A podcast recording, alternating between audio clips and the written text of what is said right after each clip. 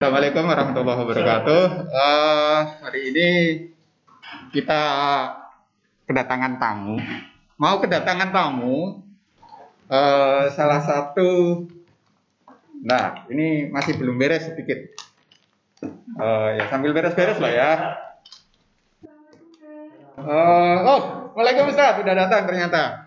Eh, saya ngundang Ustadz Kuncoro ke sini. Selamat datang Ustadz.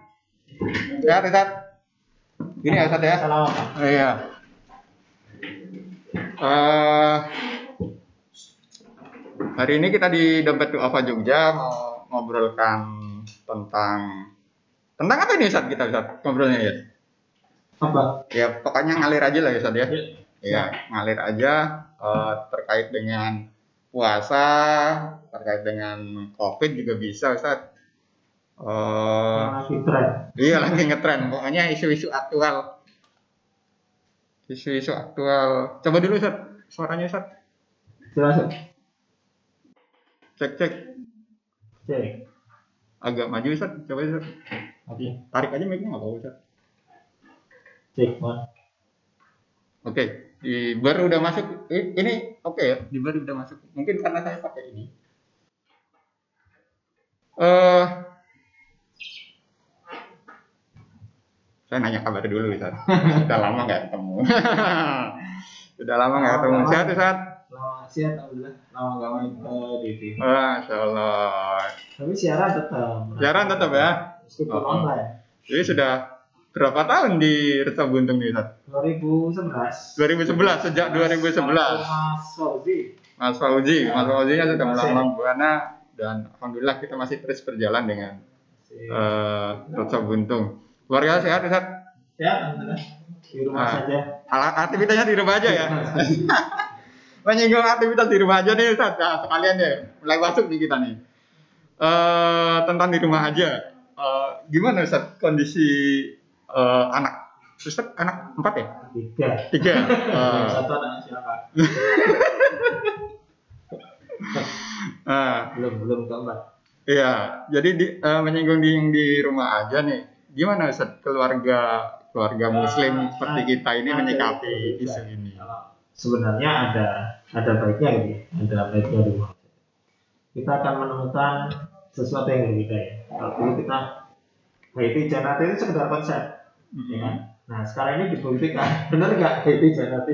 Baik, Janati. Konsep yang belum dipelajari itu bisa dipraktekkan nggak? Ya. Karena tidak sedikit keluarga yang akhirnya menemukan kesulitan sendiri.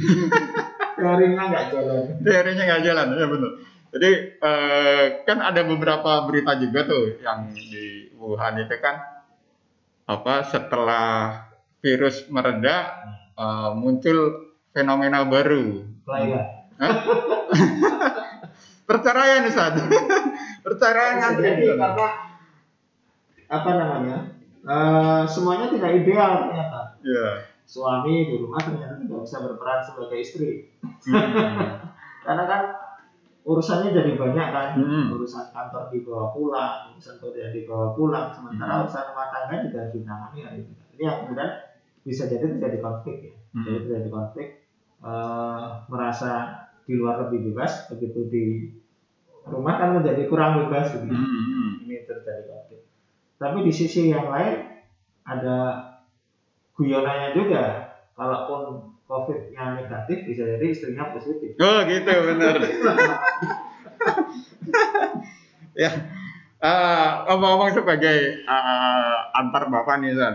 Eh, pernah ngerasa stres nggak sih San ketika di rumah terus gitu San?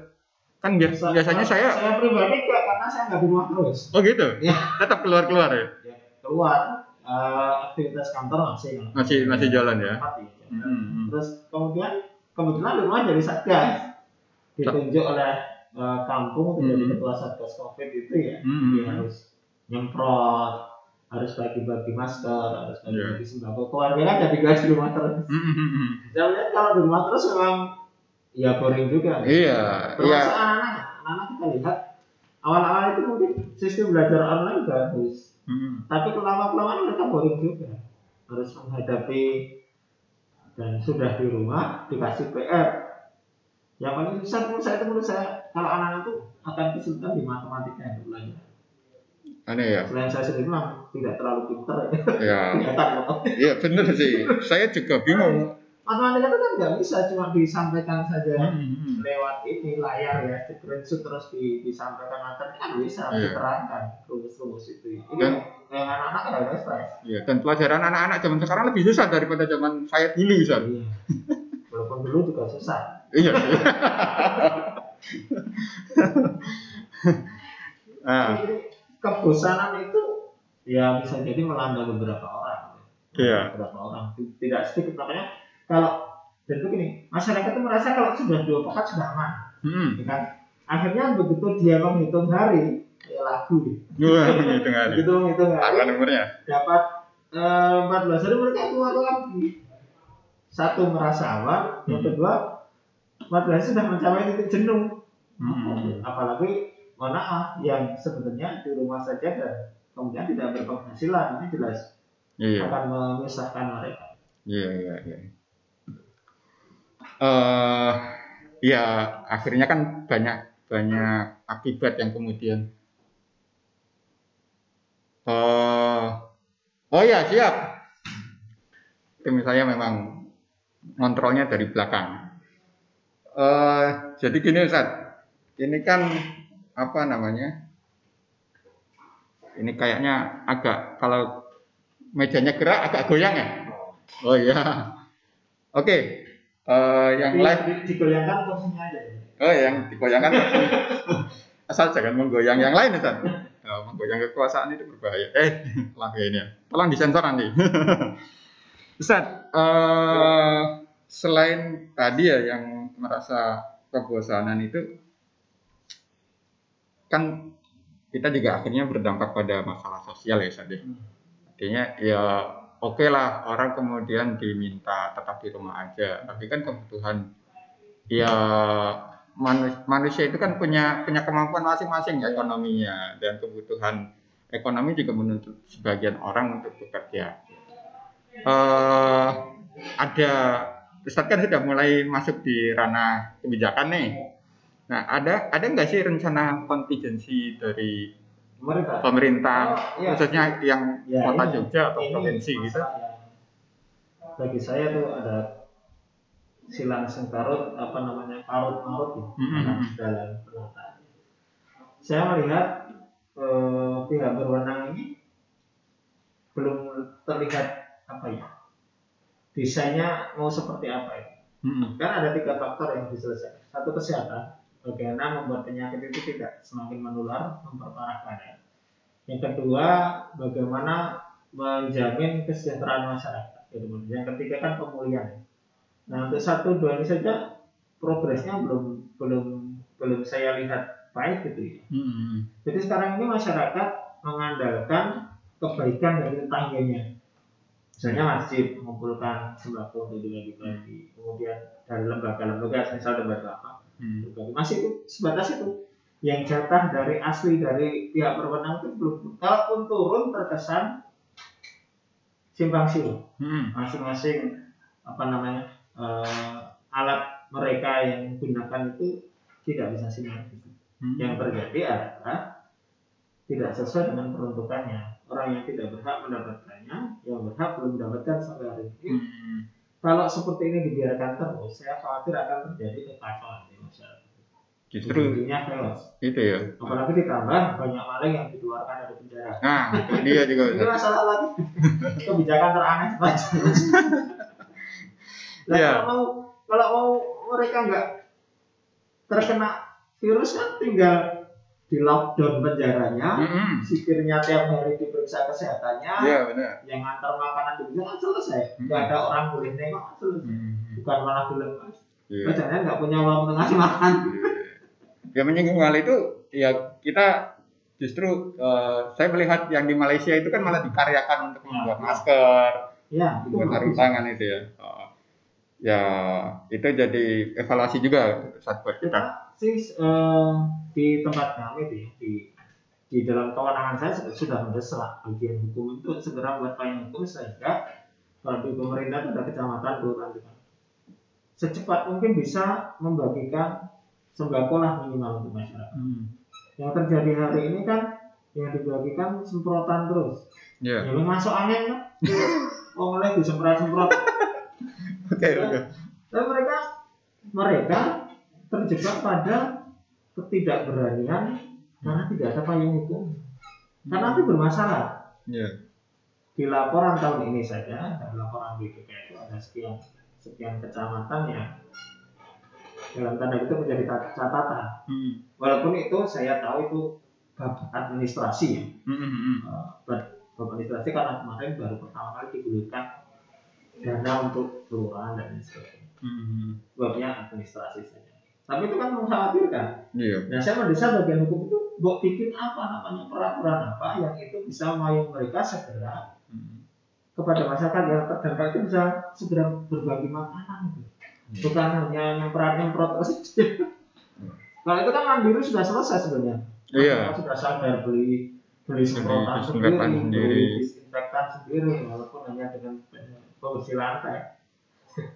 itu kan sudah cukup efektif. Iya. Jadi memang ya saya juga memahami sih apa kalau misalkan di pemerintahan itu kalau belum kuat landasan hukumnya ya nggak nggak anu juga ya nggak nggak serta merta. Tugasnya bagian itu mencari celah hukum. Karena saya kan bermitra dengan bagian hukum. oh ya. Oke deh Ustaz. Eh, berarti sampai saat ini belum ada itu ya grand design yang jelas. Terakhir yang disampaikan oleh eh, pimpinan pimpinan mereka Hmm. sedang sinkronisasi data. Kan memang terjadi kekacauan data. Hmm. Yang kita lihat di beberapa media sosial kan muncul bupati menggugat, lurah menggugat, kita Hmm. nampak betul ada kekacauan data di situ Hmm. dari pusat sampai daerah. Bagaimana mungkin kita baru mengumpulkan data hari ini, di setor juga belum, sudah dapat jatah dan namanya berbeda dengan yang di setor. Itu kan terjadi Iya, di iya. beberapa tempat. Dan saya khawatir di Jogja juga terjadi seperti ini. Iya. Dan Semalam mungkin sudah terjadi. Semalam juga saya baru dapat kabar nih, ada teman di Surabaya itu, eh, dia punya rekening BRI. Hmm. Ya kalau kondisi ekonominya sih, ya kita semua tahu, semua orang kemudian terdampak kondisi ekonominya. Tapi nggak terlalu membutuhkan banget kan. Tapi dia dapat rekening, eh di rekening Transfer. eh, iya dapat transferan 600 ribu. Oh, yang Katanya kompensasi Jaduk, jaduk dari pusat. Nah, itu. Nah, eh, permasalahannya adalah ketika yang punya rekening itu kan orang-orang yang secara ekonomi Pasti sudah paham, eh, eh, bankable lah minimalnya. Bawah jarang. Iya, nah saya memikirkan orang-orang yang ya orang-orang yang di desa gitu, orang-orang yang nggak tahu apa itu bank, taunya nyimpen uang ya di bawah bantal. Nah, terus kita mendapatkan bantuannya seperti apa? Nah, Biasanya ada model ini, model undangan. Bahkan beberapa yang lalu itu turun ya. mm-mm, Lalu itu tidak banyak jumlahnya. Satu RW itu paling cuma 8 orang. mm, Udah undangan resmi dari dinas. Di bawahnya itu ada lembaran formulir formulir pembuatan rekening bank. mm. Itu nanti menjadi tempat ditransfernya. Oh, Jadi undangan sekaligus membuat rekening. jadi difasilitasi Iya, RW ya? seperti itu. Hmm. Yang terjadi seperti itu. Tapi itu sekali lagi, tapi ditemukan di lapangan bahwa datanya ini berbeda dengan yang diajukan. Iya, carut marut data ini oh, menjadi masalah utama. Jadi oh, di, eh, ditarik agak maju. Nah, apa namanya? Jadi karut marutnya di situ. Hmm. Ada data yang tidak tidak sesuai. hmm, Jadi sebenarnya sudah lama. iya, iya. Terkuatnya sekarang. Iya. Coba dalam keadaan normal kan tidak nampak. Begitu dalam keadaan abnormal seperti itu, Mm-mm. ini jadi nampak kekacauan kekacauan itu. Dan prediksi saya ini sudah dari 2000 sekian dulu, karena ini mas, eh, disinyalir bahwa kekacauan itu terjadi karena dulu ada proyek proyek besar tentang pendataan penduduk Mm-mm. Tidak melibatkan RT RW. Hmm. Nah, jadi RT RW tidak tahu menahu ada proyek besar digarap oleh pihak ketiga lah Mm-mm. untuk mendatanya. Dan biasanya petugas lapangan yang mendata itu kalau mendatangi satu rumah dan tidak ketemu, mereka tidak datang lagi lewat begitu saja. Besoknya sudah harus ke tempat yang lain. Nah Iya. itu yang menjadikan data itu tidak valid Hmm. karena yang terlewatkan. dan itu sudah terjadi sejak tahun 2000 sekian itu Nah. sekarang ini imbasnya Iya.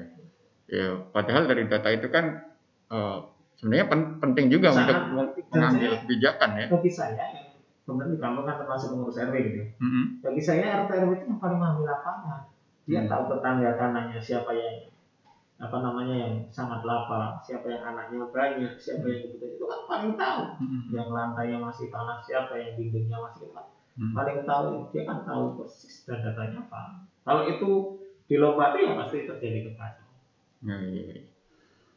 Ustaz, kayaknya Ustaz nggak nyaman nih anunya maskernya. Eh, saya ambilkan yang agak nyaman ya Ustaz ya.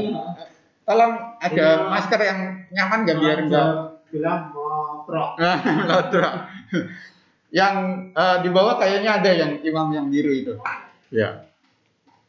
Bentar ya Ustaz. sebenarnya senang pakai yang medis itu Iya, tapi kan sekarang lagi sekarang udah normal ya. Kosong Di pasaran masih kosong tapi harganya udah mulai turun ya Ustaz. kalau maksudnya harga sudah mulai turun Mm-mm. Kali ini masker mudah lah, tidak mudah didapat lah banyak Iya, orang yang berbeda. Yang sulit nanti sembako. Iya. Jualnya ada duitnya yang nggak ada. Ah, iya. Ini yang terjadi pada sebagian besar masyarakat. Ya, eh, nah, Kita nggak tahu sampai kapan bertahan ya. nah, Apalagi ke Ramadan, Ramadan ini kan eh, tubuh kita kan melemah. Mm-mm. Harus diakui puasa itu kan karena pola makan yang berbeda dan Hmm. kadang-kadang sesudah mereka tetap makannya hanya dua kali ya, jarang yang tiga kali itu bahaya kan bagi sistem imun tubuh kita. Iya. Nah kalau tidak disertai dengan vitamin itu kan Nah tapi untuk beli vitamin itu apa yang dipakai? tidak ada yang dibuat beli. Iya, iya. Jadi apa ya? Susahnya itu bertubi-tubi. Ya. Jadi ibaratnya kalau kita berjalan di eh, apa mes, nah ini dia. Bentar, Pak. Eh, nyangkut. Nah. Silakan Ustaz, baru Ustaz ini ya. Nah, warnanya biru. SD. Nah, ini juga masker ini kita bagi-bagikan ke eh, warga-warga yang kalau di jalan belum belum pakai masker kita kasih, kita juga bagikan Saya bisa ikut bagikan. Eh, boleh Ustaz? Jadi gini, kadang-kadang kita naik sepeda motor, Heeh. kan ke kantor naik sepeda motor. Hmm. Di perempatan beruntung, tengok kanan kiri. Ada orang gak siapa yang ngasih, tapi gak tahu. Iya, jadi ini kita bagikan ke ke masyarakat yang eh, apa namanya sulit akses maskernya. Ya meskipun sekarang banyak yang bikin masker gitu kan, tapi eh, Tapi ya i- kembali tadi. Buat beli masker, buat beli yang lain. Nah sembako. Termasuk buat beli pulsa. Oh iya benar. jualan. Iya. Dan sekarang kan orang jualan semua. Se- Isinya sekarang orang jualan semua eh, dan sebelum Barangnya sama. barangnya sama, resellernya sederet gitu. Ya, ya memang Ya, kondisi. kondisi kan. Iya, memang kondisi. Tidak, kalau soal itu nggak bisa kita salahkan. Iya iya. Ya begitu saja. Beberapa industri yang biasanya panen di di bulan Ramadan akhirnya ya terdampak juga kan. Jauh dan penurunan. Iya. Iya. Angkringan saja ya, ketika kita ngobrol dengan uh, teman-teman pedagang angkringan, Mhm. ya minimal turunnya 40 persen. 40 persen ya. 40 persen itu sudah bagus ya. Yang lain bisa sampai. Nah, belum lagi yang mencoba mengais setiap sore untuk buka puasa dengan Mhm. warung-warung dadakan itu kan. Mhm. Mereka berharap sekali ada pembeli. Karena semuanya di rumah saja nggak ada yang lewat. Iya. Kalau ada di tempat-tempat tertentu, itu pun di- nanti uh, dikendalikan oleh aparat, artinya harus diatur ya. Mhm. uh, sirkulasinya supaya tidak terjadi social distancing. Karena ini pandemi ini merupakan bencana yang sangat berbeda dengan semua bencana yang pernah kita alami. Ya kan? Mhm. Kalau gunung meletus, yang terkena saja, yang terimbas, orang lain bisa membantu dengan leluasa. Mhm. Kalau tsunami menjadi begitu, tapi begitu pandemi kan semuanya akan terkena, Iya. semuanya punya resiko terkena. Ya kan? Jadi ini menjadi menyulitkan dalam tanda Kadang niat ibadah kan harus dibatasi. Iya. Ya, eh ya kayaknya bumi ini lagi di riset nih. Nah, Kalau komputer itu di riset ini. Ustaz, eh, tentang tadi Ustadz udah mulai menyinggung tentang puasa nih. nah, puasa hari ke berapa sekarang? Kalau puasa Sembilan tidak berubah sih, tetap lapar. Iya. Iya, tetap. Corona nggak corona tetap lapar. Iya, tetap lapar. itu isinya puasa kalau puasa nggak lapar aneh. Iya, betul. Ah. memang disuruh lapar. Iya. Tapi ada orang yang tidak puasa pun lapar. Iya. Itu yang perlu kita pikirkan. Dan Nah, harusnya bulan Ramadan itu uh, kepedulian kita bertambah hmm, dengan lebih banyaknya saudara kita yang di PHK, Hmm. dirumahkan. Menurut standar umum kepedulian bertambah. Artinya berbaginya lebih banyak. Tapi mau berbagi banyak, langsung dibagi gitu. Itu iya, jadi semuanya hampir sama kena gitu ya. Semua terimbas. Iya. Di oh, posisi masing-masing sekarang beberapa tidak mengadakan buka puasa. Padahal bisa jadi itu menu andalan sebagai Mhm. masyarakat. Iya. Misalnya saya ambil contoh satu masjid besar di Yogyakarta itu yang setiap harinya dulu itu sampai 2.000 3.000 orang yang datang. Hmm. Hari ini kan berarti ada 2.000 orang yang tidak mendapatkan makanan buka puasa. Hmm. Padahal di antara mereka ada yang memang jaga. Hmm. Memang andalannya setiap sore ya. ke situ. gitu. Bukannya satu di mana nggak punya. Hmm. Gitu kan. Akibatnya nggak tahu mereka sekarang buka puasa di mana, bisa buka atau tidak. Iya. Di satu sisi ingin mengamalkan uh, ajaran agama, Hmm. mengamalkan perintah Allah dengan baik. Hmm. Di satu sisi apa namanya terkendala juga. Iya. Ini menjadi Ramadan yang berat. Ramadan yang berat. Dan karena ada pembatasan-pembatasan ibadah itu menjadi suasana itu menjadi berbeda. Iya. Yang namanya menjadi berbeda. Iya. Habis itu kan habis malam tuh masih pelangi anak Nah. tari mercongan Iya, sal- terus eh, apa suara apa namanya membangunkan sahur itu saling bersahutan gitu ya. seperti lesu. Iya, iya. Itu sahabat ya.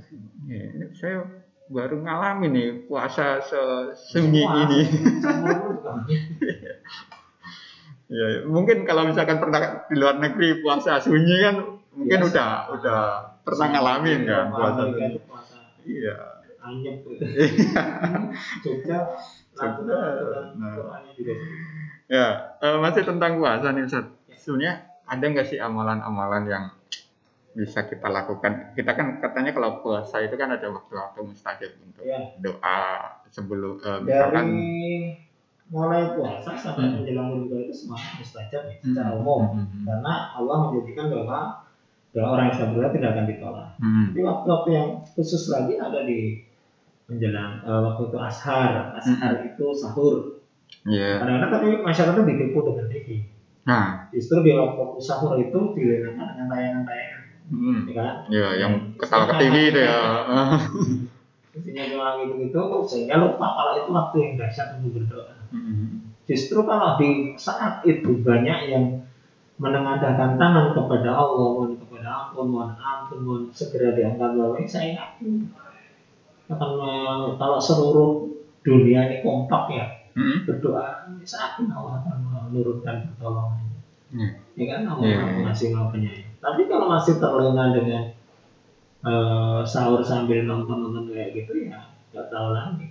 Sudah dikasih waktu yang paling bagus dilewat. Hmm. Kemudian termasuk menjelang berbuka. Iya.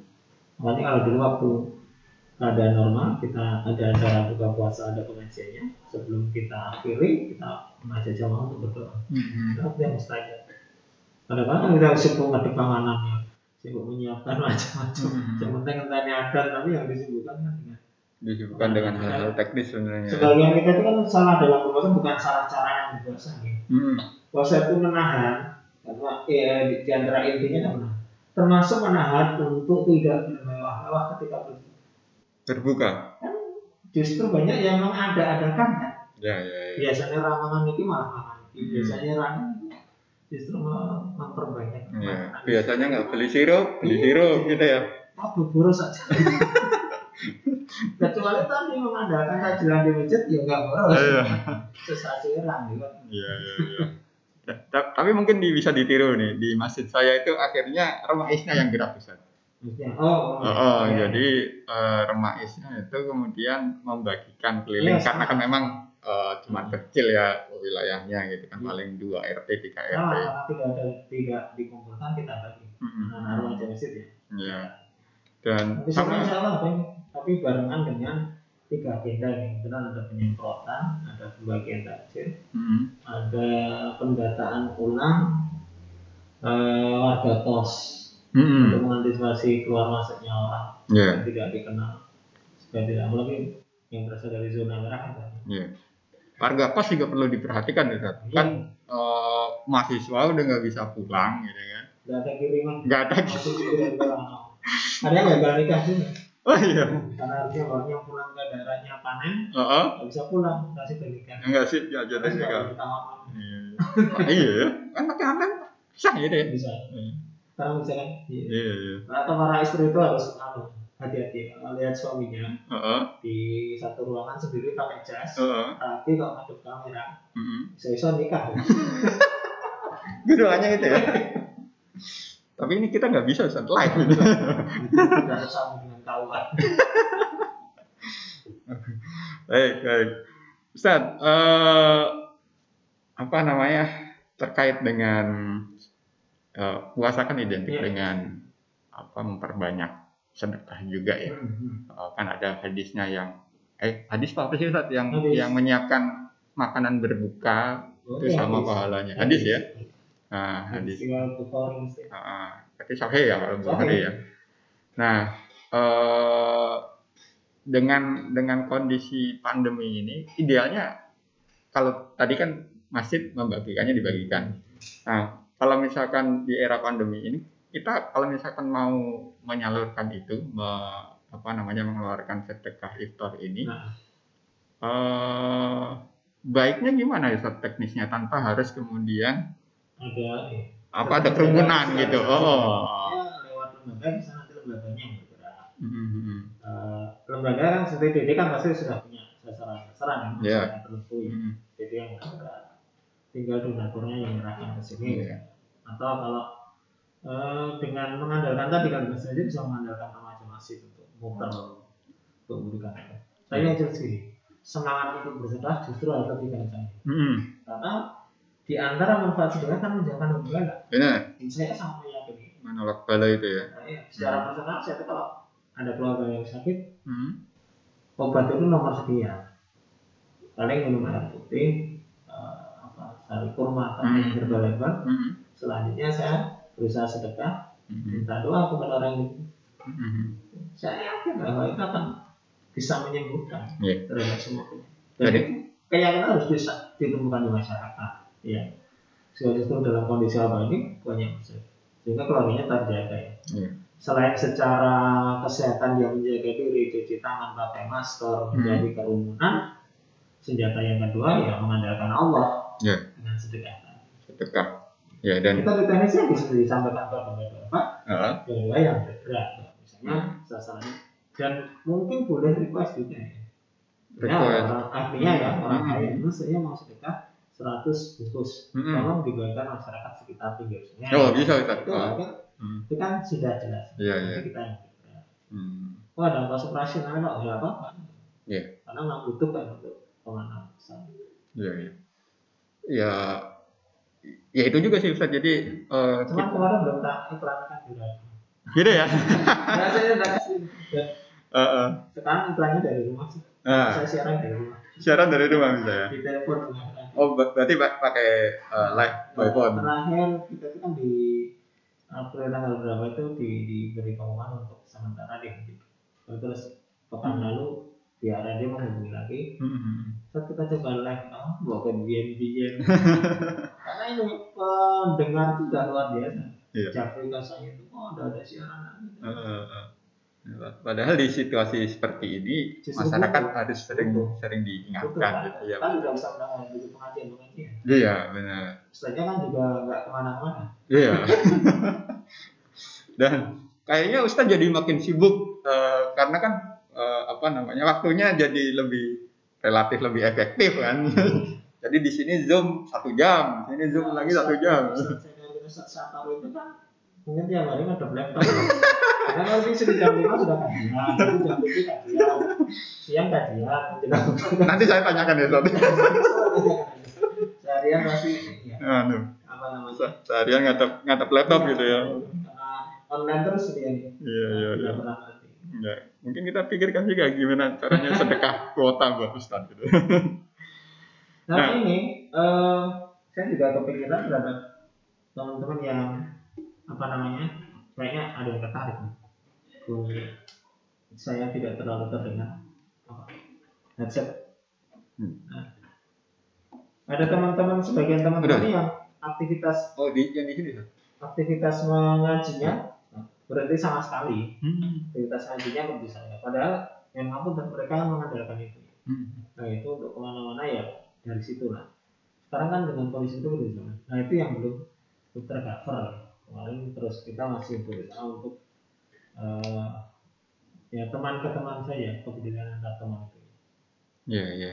Jadi eh, untuk informasi juga buat teman-teman yang eh, mau menyalurkan sedekah apa namanya sedekah iftar gitu kan untuk membagikan ke orang-orang yang eh, berbuka puasa dan berpuasa punya skema yang saya pikir baik sih itu. Jadi eh, kita langsung mendat- mendatangi ke orang-orang yang memang membutuhkan untuk akan berbuka ini gitu. Jadi tetap teman-teman bisa social distancing gitu kan dan eh, kalau tim DD kan punya standar khusus untuk Hmm. melengkapi Ya dirinya APD-nya APD-nya eh, sekolah anak saya itu.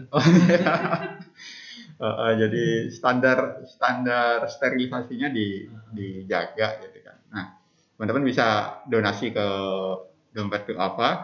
Satu paketnya bebas sih kalau misalkan iftar ya. Eh, eh, jadi eh, tapi kalau mau standar ya 35.000 itu udah udah makan cukup lah untuk eh, dua orang lah ya gitu kan. dua orang.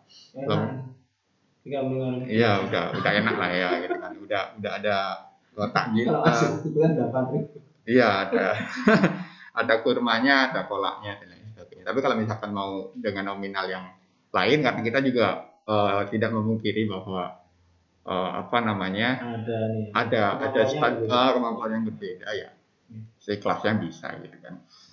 Nah balik lagi tentang amalan-amalan di puasa nih Ustaz. Ya. Nah kemarin kan saya dengar anjuran dari ulama-ulama itu untuk menyegarakan zakat.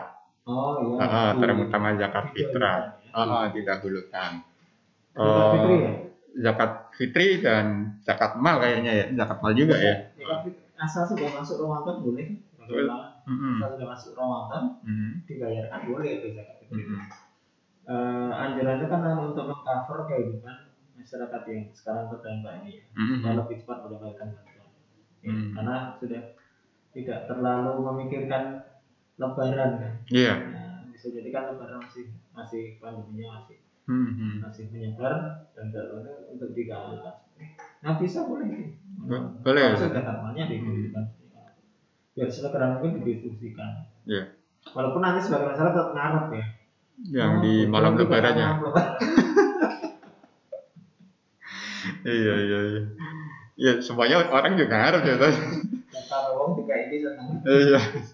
Semuanya. Siapa pun mau pejabat mau apa, yang Mm-mm. diberi itu senang. Iya. Maka salah satu untuk cara untuk menyambung silaturahmi kan Iya. katanya dengan Diberi hadiah. memberi hadiah benar-benar menyenangkan orang lain itu. dalam ilmu ilmu psikologi eh, rumah tangga Mm-mm. itu satu di antara yang membuat eh, harmonis itu kan hadiah. Mm-mm. Tapi tidak semua kalau suami ke istri, tidak Hmm. semua tipe ada tipe istri yang tidak suka hadiah. Mm-mm. Jika yang dia koyong kok biasa koyong. Oh gitu ya. Yang dibutuhkan apa? Hal yang lain, misalnya eh, apa namanya servis, artinya itu dibantu pekerjaannya. Ada yang begitu. Mhm. Karena ada yang tipenya juga yang senangnya kata-kata indah, Hmm. bahasa cintanya itu kata-kata indah. Mhm. Wah, ketika dia orang efek. Iya iya. suami ini stres. Iya iya. Kok kok kayak rasa pengen dirayu, Iya. malah ngirit, Ngirit itu benar. ngirit. Ah, Jadi, dikasih- apa namanya buka apa namanya bisa searching Mhm. musiknya siapa milih. Kalau kamu pinter banget tuh sama searching. Karena eh, apa namanya muslimah zaman sekarang itu nggak mau dikasih bunga. Riba katanya. Iya. Mendingan rekeningnya aja. Ya.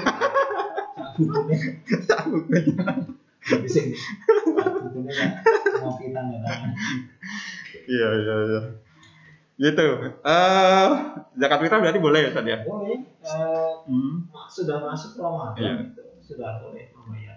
Dan kan nggak nggak perlu mak- maksudnya gini eh, sekarang kan kalau kalau dulu dulu kan orang-orang pada pada pengen waktu keutamaannya itu malam malam malam Id. malam Id eh, eh. nah dengan kondisi saat ini mungkin keutamaannya jadi lebih diawalkan ya Sudah. Iya. karena kan memang kebutuhan kebutuhan sudah mulai hari mulai sebelum puasa. sebelum puasa bahkan gitu kan untuk karena kan memang sasaran sasaran zakat yang paling dasar itu kan fakir miskin Ya, dan fakir miskin yang paling terdampak eh, nah, makanan pokok di Hmm. Zakat Fitri kan fakir miskin. mm-mm. Orang yang besok di lebaran itu nggak bisa makan. Mm-mm. Ya, Nah sekarang bukan hanya lebaran. jangan kan hanya lebaran puasa aja udah susah makannya Dan harus diberi kan. iya iya eh tapi Ustadz nyadar nggak sih kalau misalkan di Jogja ini eh, apa namanya makin banyak gitu loh orang-orang yang eh, sorry itu saya nyun sewu, apa namanya orang-orang yang pakai gerobak kayak eh, manusia-manusia gerobak itu Ustadz. Berubah. Eh, gerobak gerobak itu kayak apa namanya tunawisma tunawisma Nah, nah, tunawisma itu Ustaz. kayaknya kok Jogja aku kalau misalkan keluar gitu makin banyak tuh Ustaz yang yang model-model kayak gitu nyata nggak sih Ustaz kayak gitu eh, nggak terlalu ya. Eh, Coba bisa saya tidak terlalu mengamati. iya iya Nanti saya. Heeh, iya Kalau iya benar nanti di saja saya sampaikan ke Heeh. dinas terkait itu. iya iya ya Di tangannya. ya artinya Jadi gini karena keadaan. Iya. Saya bisa, bisa jadi begini. Karena keadaan seperti ini kemudian nggak kuat kontrak lagi, Mm-mm, ya kan? mm-mm. Nggak punya rumah lagi usaha dia harus Perjalanan. ada di jalan gitu kan Itu lebih kasihan. lagi. nah iya orang-orang yang seperti itu yang kemudian kita juga harus harus perhatikan tadi Iya. Um, baik, eh, tentang zakat lagi nih, Ustaz. Ya. Masih tentang zakat fitrah. Ini kan ada ada ya ini sebenarnya pertanyaan hampir tiap tahun lah ya. Boleh nggak sih kita nyalurkinnya lewat apa dalam bentuk uang gitu kan? Nah, di Eh, sini atau eh, ada perbedaan pendapat Mhm. dari para ulama ya. Ada yang tidak dikenal itu uang di zaman Rasulullah. ya. Mm-mm. Nah, ya kan kalau di Rasulullah juga, juga ada beras. benar sih, gandum. dan seterusnya. Nah, sebagian ulama bolehkan untuk fleksibilitas dan kemudahan ya, Mm-mm. di kemudahan akses dan lain sebagainya. ya. Kalau jarak jauh kan juga beresiko mbak beras. Apalagi kalau itu butuh waktu yang panjang ya. kan. Mm-mm. Misalnya harus menyalurkan ke pedalaman Papua, Mm-mm. Waktunya lama, bisa harus naik kapal. Kan kemungkinan makanannya sudah jelek. sama itu. Nah, lebih mudah untuk dibelanjakan di sana, dikirim uangnya, Iya. kemudian dibelanjakan berasnya di sana. Dan kayaknya membeli kepada orang yang lebih dekat itu lebih membuat mereka senang, Mm-mm. ya kan? Iya, Saya iya. di saudara ada produsen beras, Mm-mm. kita belinya di situ. Belinya di Kan situ. Itu orang akan lebih merasa nah, nyaman. Di kampung-kampung saja kan kalau kita misalnya kita punya di tetangga kita punya warung gitu. Mm-mm. Terus kita mau bagian sesuatu kita belinya di luar. Perasaan yang punya rumah aku dan aku. Iya, iya. Kan sudah seperti itu kan. Hmm. Itu dalam skala kecil. Mm-mm. Jadi kalau saya termasuk yang kita ulama yang membolehkan saya walaupun di diuangkan. Iya, iya. Tapi bisa jadi begini, dapat eh, beras banyak, Mm-mm. Tapi nggak punya Nggak punya lauk, benar. Akhirnya sebagian dijual. Iya, Soalnya iya. kan berarti dia yang tempat. Iya, iya benar. Kalau di masjid-masjid kita itu biasanya mengantisipasinya ada beras, ada lauk Ada lauk. ada uang sekian Mm-mm. ribu untuk pembelian lauk. Mm-mm. Kalau tidak, ya pasti kan dijual. Dan kalau saya tidak melarang sih orang mendapatkan beras banyak lalu sebagian dijual. Iya. Karena ya itu sudah hak dia, Heeh. sudah milik dia. Mm-mm. Yang kedua yang namanya zakat kan menumbuhkan ya. Iya. Menumbuhkan. Kalau memang tidak ada alasan mau dilakukan beras. Iya Itu benar. butuh apa namanya api, butuh Mm-mm. apa namanya menana, itu yang lain sebagainya. Berarti kalau misalkan nih eh, di DD itu kan kita kita eh, mengusahakan untuk dalam bentuk uang saja bisa. Hmm. Jadi standarnya kita menggunakan 3 kilo beras. Hmm. Harga berasnya yang 13.000 jadi 39.000. Iya. Nah, sebenarnya dalam penyaluran itu. Segitu beras. Iya beras. Ya kita memang berikannya yang yang terbaik karena memang kalau misalkan anjurannya kan memang yang sesuai dengan yang kita konsumsi Hmm. gitu kan. Nah, Gitu. ya katakanlah ya. Ada merek tentu rojo lili. Nah, itu harus. Saya berikan rojo cekol. mager. Nah, gitu. Jadi kalau memberikan eh, kita kita Minimal sama. minimal sama atau bahkan lebih baik gitu kan. Nah, kita memang menstandarkan 39.000 untuk zakat fitrah. Eh, tapi dari tadi yang yang saya sampaikan itu ya akhirnya jadi penguat kita juga bahwa yang kita salurkan itu tidak hanya beras Ustaz, Mm-mm. tapi ada apa namanya paketan pengiringnya Iya. entah itu kemudian sarden atau entah kemudian kalau misalkan sekarang kan banyak orang yang makan nasi lauk mie Iya. Makan mie lauk nasi. makan mie lauk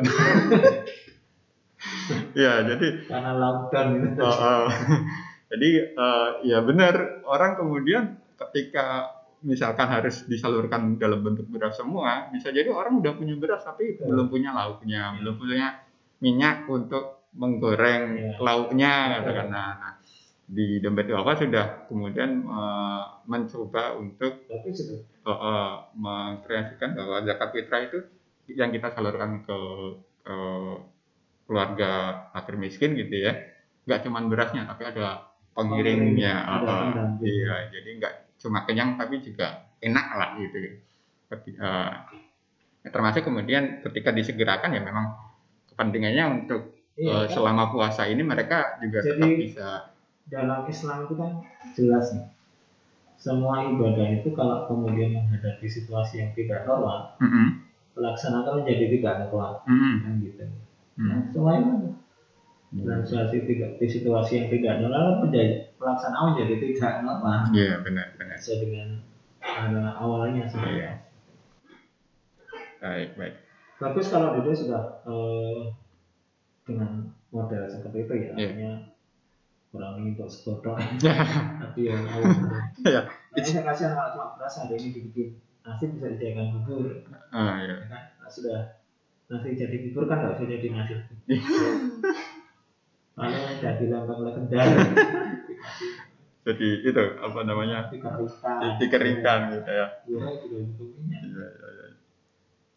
Ustaz, eh, tentang zakat fitrah lagi nih. Eh, bukan zakat fitrah. Zakat fitrah kan sudah kewajiban bagi setiap, Hmm. setiap muslim ya. Nah, tentang zakat mal. Iya. Eh, ada pertanyaan yang masuk kemudian. Boleh nggak sih, misalkan nih, biasanya haulnya, waktu satu tahunnya itu Hmm. masuk ke Ramadan gitu Hmm. kan. Nah, tapi ternyata ketika di Ramadan ini eh, kondisi ekonominya belum belum bisa untuk melakukan eh, membayar menunaikan zakat gitu. kalau satu tahun eh, tidak tercapai Hmm, nisabnya berarti dia tidak punya kewajiban hmm, hmm. dia bisa masuk sedekah nanti Nanti sedekah ya. tercapai. Hmm, hmm. Oh iya. Berarti tetap tapi eh, mengajukan hal itu boleh. Misalnya Mhm. hitungan haknya dimulai Januari. Hmm, hmm, kalian kan berarti Desember. Hmm, hmm. tapi karena ada pandemi dikeluarkan sekarang itu juga boleh. Oh, dengan asumsi sampai Desember nanti akan tercapai sekian. Sampai perkara pendalian aja nggak masalah. Hmm, hmm, misalnya eh, di flat saja ya. Ya. bulan dia punya 10 juta lah. Hmm. itu kan sampai 12 bulan eh, dia bisa saving 10 juta 120 berarti kan sudah jelas karena ya Hmm, nah bulan April ini wah saya keluarkan dulu aja hmm, karena ada pandemi hmm. eh, ada yang memerlukan zakat saya gunakan itu boleh Berarti disegerakan Iya. boleh ya? Oh. dengan asumsi sampai akhir tahun nanti bisa mencapai segitu Iya. Dan bisa jadi dengan dengan yang zakat kan nisabnya tercapai dia Hmm. minimal kan bayar sesuai dengan nisab nisab yang Iya. saat itu ya. Iya. Oh. Dan ya kalau misalkan disegerakan harapannya mungkin nanti ketika nanti ke depan bertambah, Ah. kebutuhan bertambah tinggal bisa dibayar Mm-mm, bener bener. bener. karena haunya kan satu tahun Iya nyicil zakat tapi nyicil iya iya. Ya ya kalau misalkan masalah zakat itu kan eh, anunya dengan janji Allah lah ya. Iya. Maksudnya kalau misalkan eh, Allah sudah mengatakan bahwa namanya Ah. juga zakat ya eh, Bertumbuh. mensucikan mensucikan bertumbuh gitu kan ya. Katanya itu Hmm. supaya betul-betul yang kita nikmati halal kan harus disucikan tapi bukan karena mensucikan terus bukan money laundering ya zakat tidak bisa jadi money laundering Iya, iya. korupsi terus Iya. terus 10 triliun terus Iya, zakatnya zakatnya 50 miliar selama itu zakatnya nanti ya nggak bisa Hmm. haram haram Iya iya. kalau itu maha baik dan hanya menerima yang baik kan sudah jelas di surat kalau kita ayat 100 itu Mhm. Tula yastawi khobisu wa thayyibu walau aja berapa kasrotul khobis tidaklah sama yang buruk dengan yang baik Hmm. eh, walaupun menakjubkan yang buruk yang jumlahnya banyak itu menakjubkan Hmm. Katakullah ya ulil albab kita kepada Allah ya orang yang bisa berpikir Hmm. yang bisa mikir ya nggak bingung Ya. jadi tidak boleh jadi money laundry Hmm. Dan disclaimer juga di dompet duafa itu kan dompet duafa tidak menerima eh, donasi dari hasil kejahatan ya. Eh, jadi eh, ya memang yang kalau niatnya baik ya sebenarnya harus baik gitu kan. Tapi akhir-akhir ini saya sering money laundering gitu. Kan dapat uang kembalian gitu kan. Disuruh Pasti cuci dulu. Dicuci dulu itu juga money laundering kan dalam artian sebenarnya. pahalanya yang kita biasanya diterima orang lain masker Iya, itu juga laundering. Jadi kalau eh, dapat uang dari luar, pokoknya masuk ke rumah, cemplungin dulu ke air sabun gitu kan, udah dijemur. Eh, ikhtiar aja sih. Langsung jadi ini ya media penularan Iya, luar biasa iya, ya karena apa ya? Kalau kita ngadepin musuh kelihatan itu kan jelas ya, kita targetnya itu ya. Ini nggak kelihatan ya. Iya. ya gitulah. Eh, kita harus banyak-banyak eh, bersabar ya, dan mungkin bersedekah juga untuk menolak bala gitu kan. Dan sedekah menolak bala itu kan kita di janji janji Allah lah ya. Iya. Nah, ya salah satu wujud sedekah ya eh, misalkan berzakat di dompet apa berinfak nah, dan sebagainya. Oke Ustaz, Eh, mungkin sudah mulai eh, terakhir nih Ustaz. Ya. Apa sih yang harus kita apa namanya pikirkan untuk menghadapi ini apa yang kita lakukan? Eh, kalau kalau saya kan harus eh, pokoknya harus positif lah eh, bahwa ini akan segera berakhir. Nah, tapi mungkin Ustaz bisa menyampaikan lebih Motiv- lebih motivasinya anu ya. eh, dunia dipergilirkan Mm-mm. ya. Allah itu pasti akan menyelesaikan semuanya akan diselesaikan oleh Allah dan ada janji-janji Allah juga melalui hadis-hadis Rasul Muhammad SAW bahwa eh, segala sesuatu akan berakhir Mm-mm. dunia saja akan berakhir pasti ini juga akan berakhir nah yang sedang muncul sekarang ini kan berbagai macam hadis tentang bintang suraya misalnya Mm. dalam ilmu falak ilmu tentang perbintangan Islam ya kalau di pesantren itu belajarnya mesti 8 tahun Mm-mm. untuk santri-santri cerdas minimal enam tahun dia bisa memahami ilmu ini Mm. yang sangat susah Nah, maka ada seorang ahli falak yang menerangkan nanti di akhir Mei ya Mei, akan muncul bintang. Tapi belum sore ada beberapa bintang yang muncul dulu.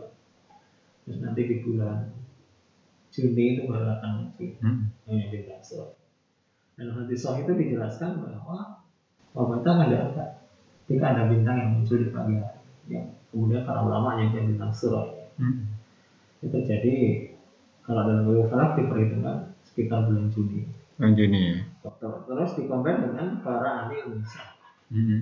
Nah, jadi di akhir Mei nanti sudah akan mulai penurunan Kurvanya. pandemi ini sudah mulai penurunan tingkat sudah bisa ditekan dan lain sebagainya. Nah kalau itu berdasarkan wahyu dan dari saya itu cenderung sangat positif Mm. sangat yakin dan ini yang perlu kita tunjukkan kepada masyarakat muslim Mm. harus mengandalkan Quran dan hadis Mm. untuk apa menenteramkan hati-hati uh, yang sedang susah nih. Mm. Selain itu langkah ikhtiarnya juga harus dilakukan. Tidak boleh hanya kemudian ya siaga punah ya oh ya yang metu bintang enak ya hilang dulu terus hidupnya sakal itu ya Iya, iya. bisa begitu. Nggak bisa di Iya, tetap iya. ikhtiar juga kan kita. Iya, diri, bintangan, undang menjaga rumah itu harus dilakukan berhati-hati ya karena faktanya per kemarin khusus DJ kan kasusnya naik Mm. sembilan orang langsung positif di beberapa kabupaten Iya. di luar kota. Ini kan menjadi warning tersendiri. kita.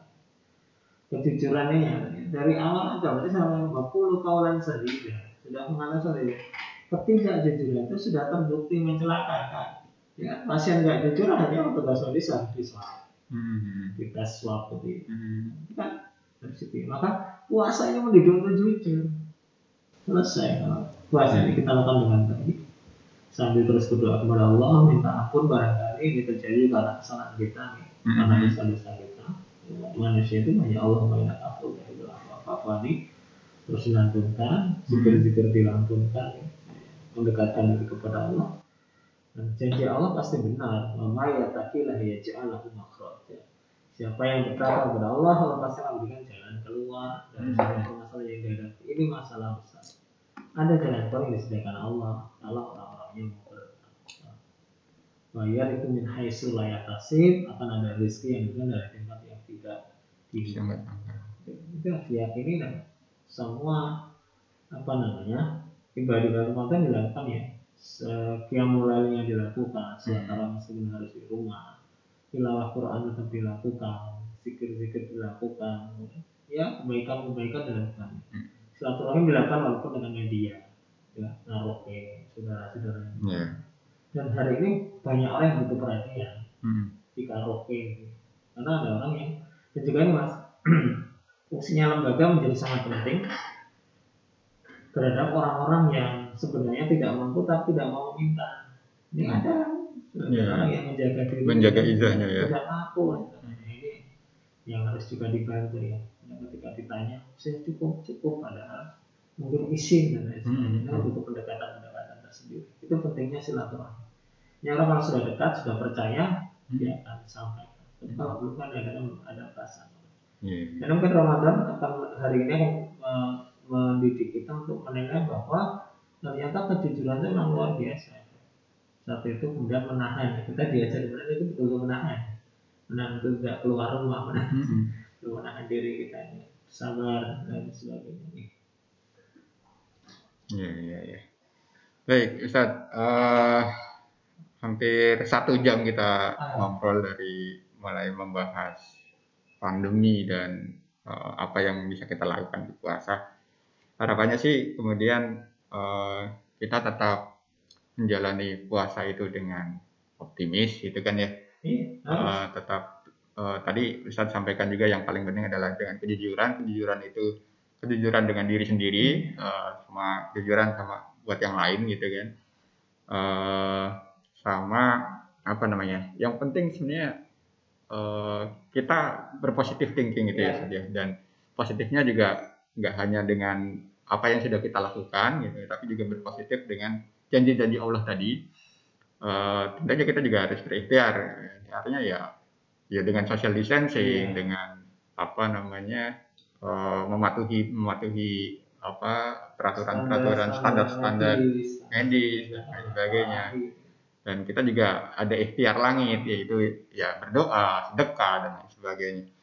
Oke, jadi itu yang bisa eh, kita lakukan sekarang ya kita semua merasakan lah bahwa era era sekarang itu era yang tidak biasa gitu. Maka kemudian kita juga membutuhkan apa namanya usaha-usaha dan doa-doa yang luar biasa untuk kemudian biasa. bisa melewati ini dan tidak biasa gitu kan. ya mumpung di rumah saja yang Nah. biasanya ditambah kalau biasanya satu jus ya Sehari sejus, tambah, sehari dua jus, eh, tiga jus gitu ya. Wah, saya jadi mumpung di rumah benar benar benar. atau malah gagal semangka gelundang gelundung Rebahan gitu. Jadi anekdotnya kan pahlawan eh, COVID itu dilakukan dengan rebahan. gitu. besok kalau pada satu masa ditanya oleh cucunya. Wah dulu waktu ada wabah corona. Berjuang oh berjuang. Berjuang. dengan cara tiduran di Tiduran di rumah gitu kan. kalau kali itu tidur jadi pahlawan. Nah, itu eh, tadi yang eh, bisa kita lakukan ya selama puasa. Nanti kapan-kapan saya ngundang Ustaz lagi deh. Ya, untuk apa namanya kita sharing-sharing di sini. Artinya juga biar teman-teman di rumah juga atau eh, apa namanya jamaahnya Ustaz yang rindu dengan apa namanya kajian-kajian Ustaz Kuncoro yang biasanya langsung gitu kan di mana di masjid-masjid Ya. eh, atau mendengarkan lewat radio. kalau yang pengajian buka puasa Mhm. itu tidak terlalu rindu sih. Hmm. Yang dirindukan tetap sama ada maghrib. Iya, iya. datang datang. Hmm. Ibu jenengan apa? Nah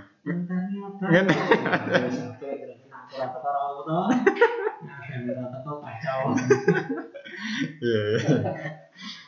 Nggak nggak nggak nggak ngefek juga maksudnya kalau misalkan ada Ustadz Kuncoro adanya jadi maju juga nggak juga kan malah musuhnya batal nah itu tadi eh, tetap positif teman-teman tetap beramal baik Eh, kita eh, ketemu lagi eh, kapan-kapan insyaallah eh, insya Allah dengan Ustadz Kuncoro lagi di channel Dompet Alfa Jogja Eh, kita cukupkan ya Ustadz ya. mungkin Ustadz ada doa atau apa yang bisa kita dengarkan doa kepada Allah Ya.